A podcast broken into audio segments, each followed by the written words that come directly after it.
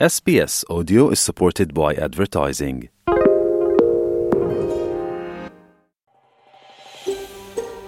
شما با پروگرام دری رادیوی اسپیس هستید گزارشات عالی را در sbs.com.au دری پیدا کنید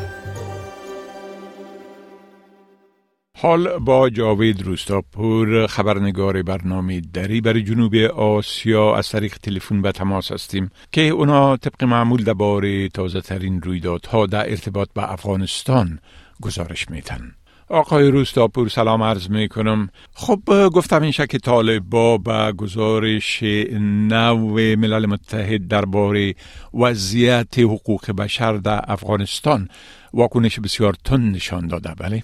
با سلام وقت شما بخیر آقای شکیب. بله همان گونه که شما اشاره کردین یونما در گزارش سه خود که روز گذشته زیر عنوان وضعیت حقوق بشر در افغانستان منتشر شد محدودیت ها و ممنوعیت های تعمیل شده بر دختران و زنان و در زمینه حجاب و داشتن محرم در جریان سفر و کار سوی وزارت امر معروف و نهی از منکر طالبان در ولایت های مختلف گفته تطبیق شده و این روان بسیار جدی ادامه دارد.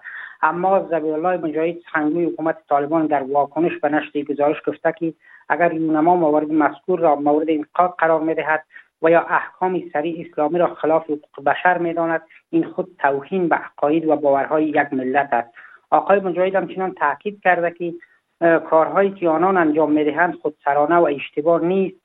و برای تطبیق شریعت و اسلام انجام می شود این گزارش نما چندین بخش دارد. در بخش دیگری از از بازداشت فعالان حقوق بشر و همچنان کشتار و شکنجه نظامیان پیشین هم سخن گفته که طالبان در خصوصی موضوع با گونه واضح واکنش نشان ندادند اما در مورد بازداشت و بازداشت و ممنوعیت کار زنان اینا واکنش داشتند طالبان پیش از این هم گزارش های یونما و دیگر نهادهای بین در مورد نقض که در مورد نقض حقوق بشر نشر شده بود امواره رد کردند و گفتن این گزارش ها به اساس است.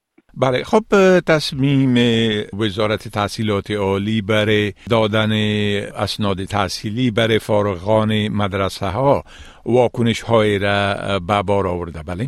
بله وزارت تحصیلات عالی و همچنان وزارت معارف طالبان با نشر اعلامیه گفتند که پس از موفق شدن برای فارغان دوره های خامسه این بکلوریا برای دوره های عالی مدرک لیسانس و برای فارغان دوره عالی مدرک ماستری میدن این دو وزارت همچنان گفتند که بیش از 50 هزار تن در این آزمون شرکت خواهند کرد که به زودی اسنادهای تحصیلی و تعلیمی برای این فارغان ارائه خواهد شد.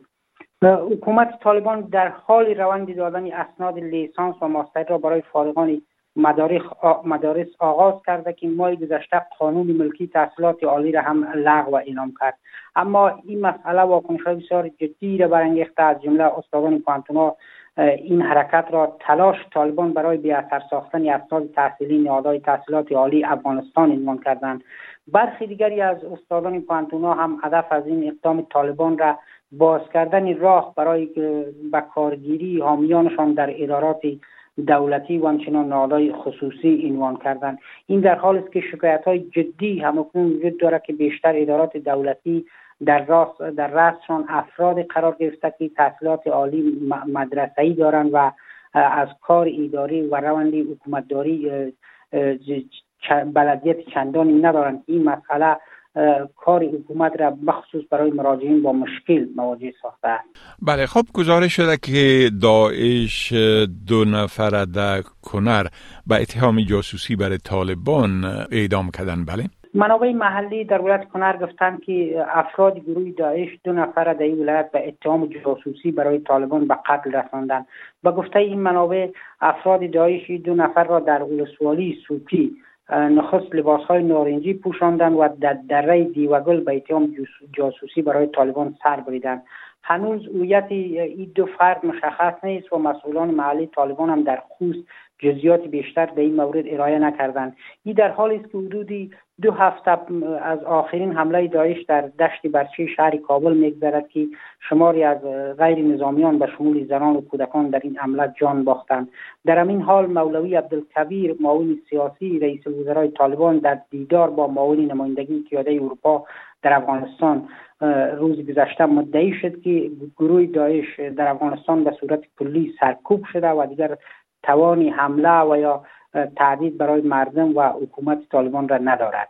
بله خب گزارش شده که طالبا یک اداره نوی را برای تنظیم امور شرکت های دولتی تأسیس کرده. اگر لطفا در ای باره معلومات بتین ملا عبدالغنی برادر معاون اقتصادی رئیس الوزرای طالبان در یک نشست خبری در کابل گفت که یک اداره مستقل برای تنظیم شرکت های دولتی به اساس فرمانی ملایبت الله رهبری گروه ایجاد می شود او تحقیق کرد که هدف از ایجاد این اداره انسجام و رشد, شرکت های دولتی به گونه واحد است. در همین حال هیئت رهبری شرکت های دولتی گفتند که ایجاد اداره مستقل برای شرکت های دولتی می تواند زمینه رقابت سالم را فراهم و نیز از احتکار پیشگیری کند. وزارت مالیه طالبان هم گفته که در حال حاضر 43 شرکت دولتی به ارزش 15 میلیارد دلار در افغانستان در های عرضه خدمات عامه پروسس روغن پنبه و دیگر اقلام زراعتی فعالیت دارند.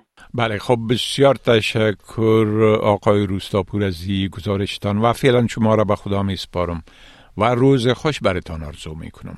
وقت شما هم خوش خدا حافظ و ناصرتان. می خواهید این گونه گزارش ها را بیشتر بشنوید؟ با این گزارشات از طریق Apple Podcast، Google Podcast، Spotify و یا هر جایی که پادکاستتان را می گیرید گوش دهید.